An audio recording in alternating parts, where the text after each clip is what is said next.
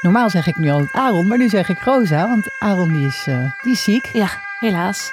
Vind ik dan wel weer heel erg passen bij het onderwerp van vandaag. Want we gaan het namelijk hebben over 112-vragen. We krijgen heel veel eerste hulpvragen binnen. Dat is natuurlijk ook wel een onderwerp waar heel veel vragen omheen hangen. Zeker, en daarom speciaal vandaag niet één, maar drie vragen die ik in een hoog tempo met je door ga nemen. En dat zijn: wat doet een ambulance als de brug open staat? Wanneer ben je zwaar gewond? En waar haalt de brandweer nou eigenlijk zijn bluswater vandaan?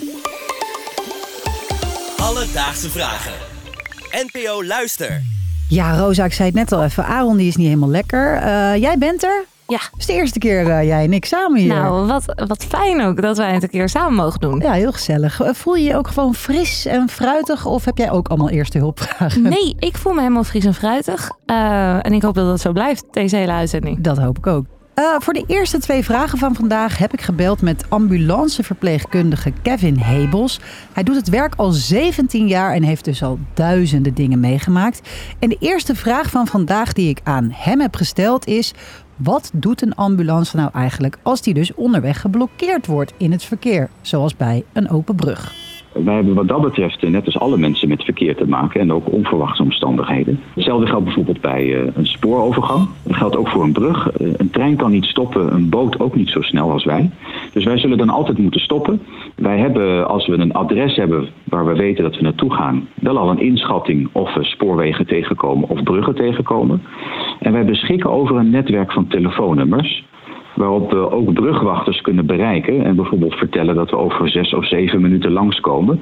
En dan kunnen zij voor ons al communiceren met eh, de schippers. En dan laten ze heel vaak eh, of recreatievaart of eh, schippers die niet zo makkelijk kunnen remmen, die laten ze dan alvast afremmen. Of ze kunnen de brug voor ons naar beneden laten en dan kunnen we er toch nog gauw langs. Het is ook gewoon eigenlijk heel logisch als je erover nadenkt. En ja, tuurlijk, tuurlijk laten ze die bruggen naar beneden staan. En natuurlijk is er een heel netwerk waar je op elkaar goed moet kunnen bereiken. Eigenlijk heel mooi dat het zo werkt. Zoals ik al zei, hebben we nog een vraag binnengekregen, namelijk van Sophie. En Sophie die vraagt zich af hoe het verschil nou wordt gemaakt tussen, nou ja, gewoon gewond zijn en zwaar gewond. En aangezien Kevin eh, ja, al 17 jaar ervaring heeft, waarom zou je het dan niet gewoon aan hem vragen? Precies. Als de ambulance komt, dan schatten we in hoe het met de vitale lichaamsfuncties van iemand is.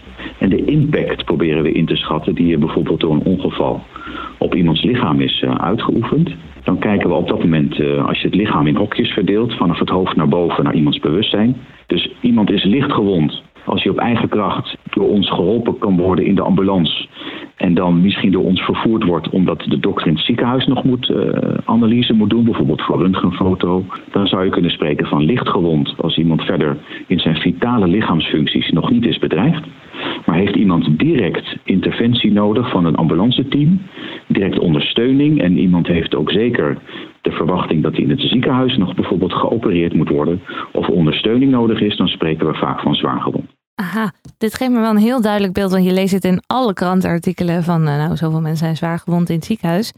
Ja, je hebt geen idee of die ligt leeg te bloeden of wat er aan de hand Nee, is. je neemt het altijd maar gewoon aan. Of je denkt, ja, ze zijn zwaar gewond, ja. In mijn hoofd was dat eigenlijk ook dat je je been hebt gebroken. Nu ga je dat krantenartikel voortaan toch anders Zeker. lezen. Alledaagse vragen. Rosa, we gaan alweer naar de laatste vraag. Nou. En de laatste vraag is een brandweervraag. Oké. En laat ik het eerst even aan jou zelf voorleggen. Waar denk jij dat eh, de brandweer zijn bluswater vandaan haalt? Ik denk uit gewoon de sloot. gewoon de sloot De achter je huis. Zeg maar, wij hadden een sloot achter ons huis. Ik denk dat het daar vandaan wordt gehaald. Ja, jij woont in Utrecht, dus laten we de grachten gewoon de grachtengordel, ja, precies.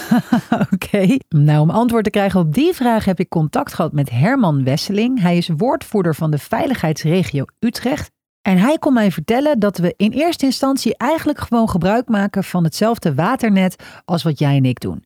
Dus ja, toch echt uit de leidingen en ook waar ons drinkwater vandaan komt. Maar dat is op zich natuurlijk niet zo gek, want er staat gewoon iets in de fik. Het moet gewoon zo snel mogelijk opgelost worden. Dat water is voorhanden, je kan het erop aansluiten en gaan. Maar er is een maar en die gaat Herman je vertellen.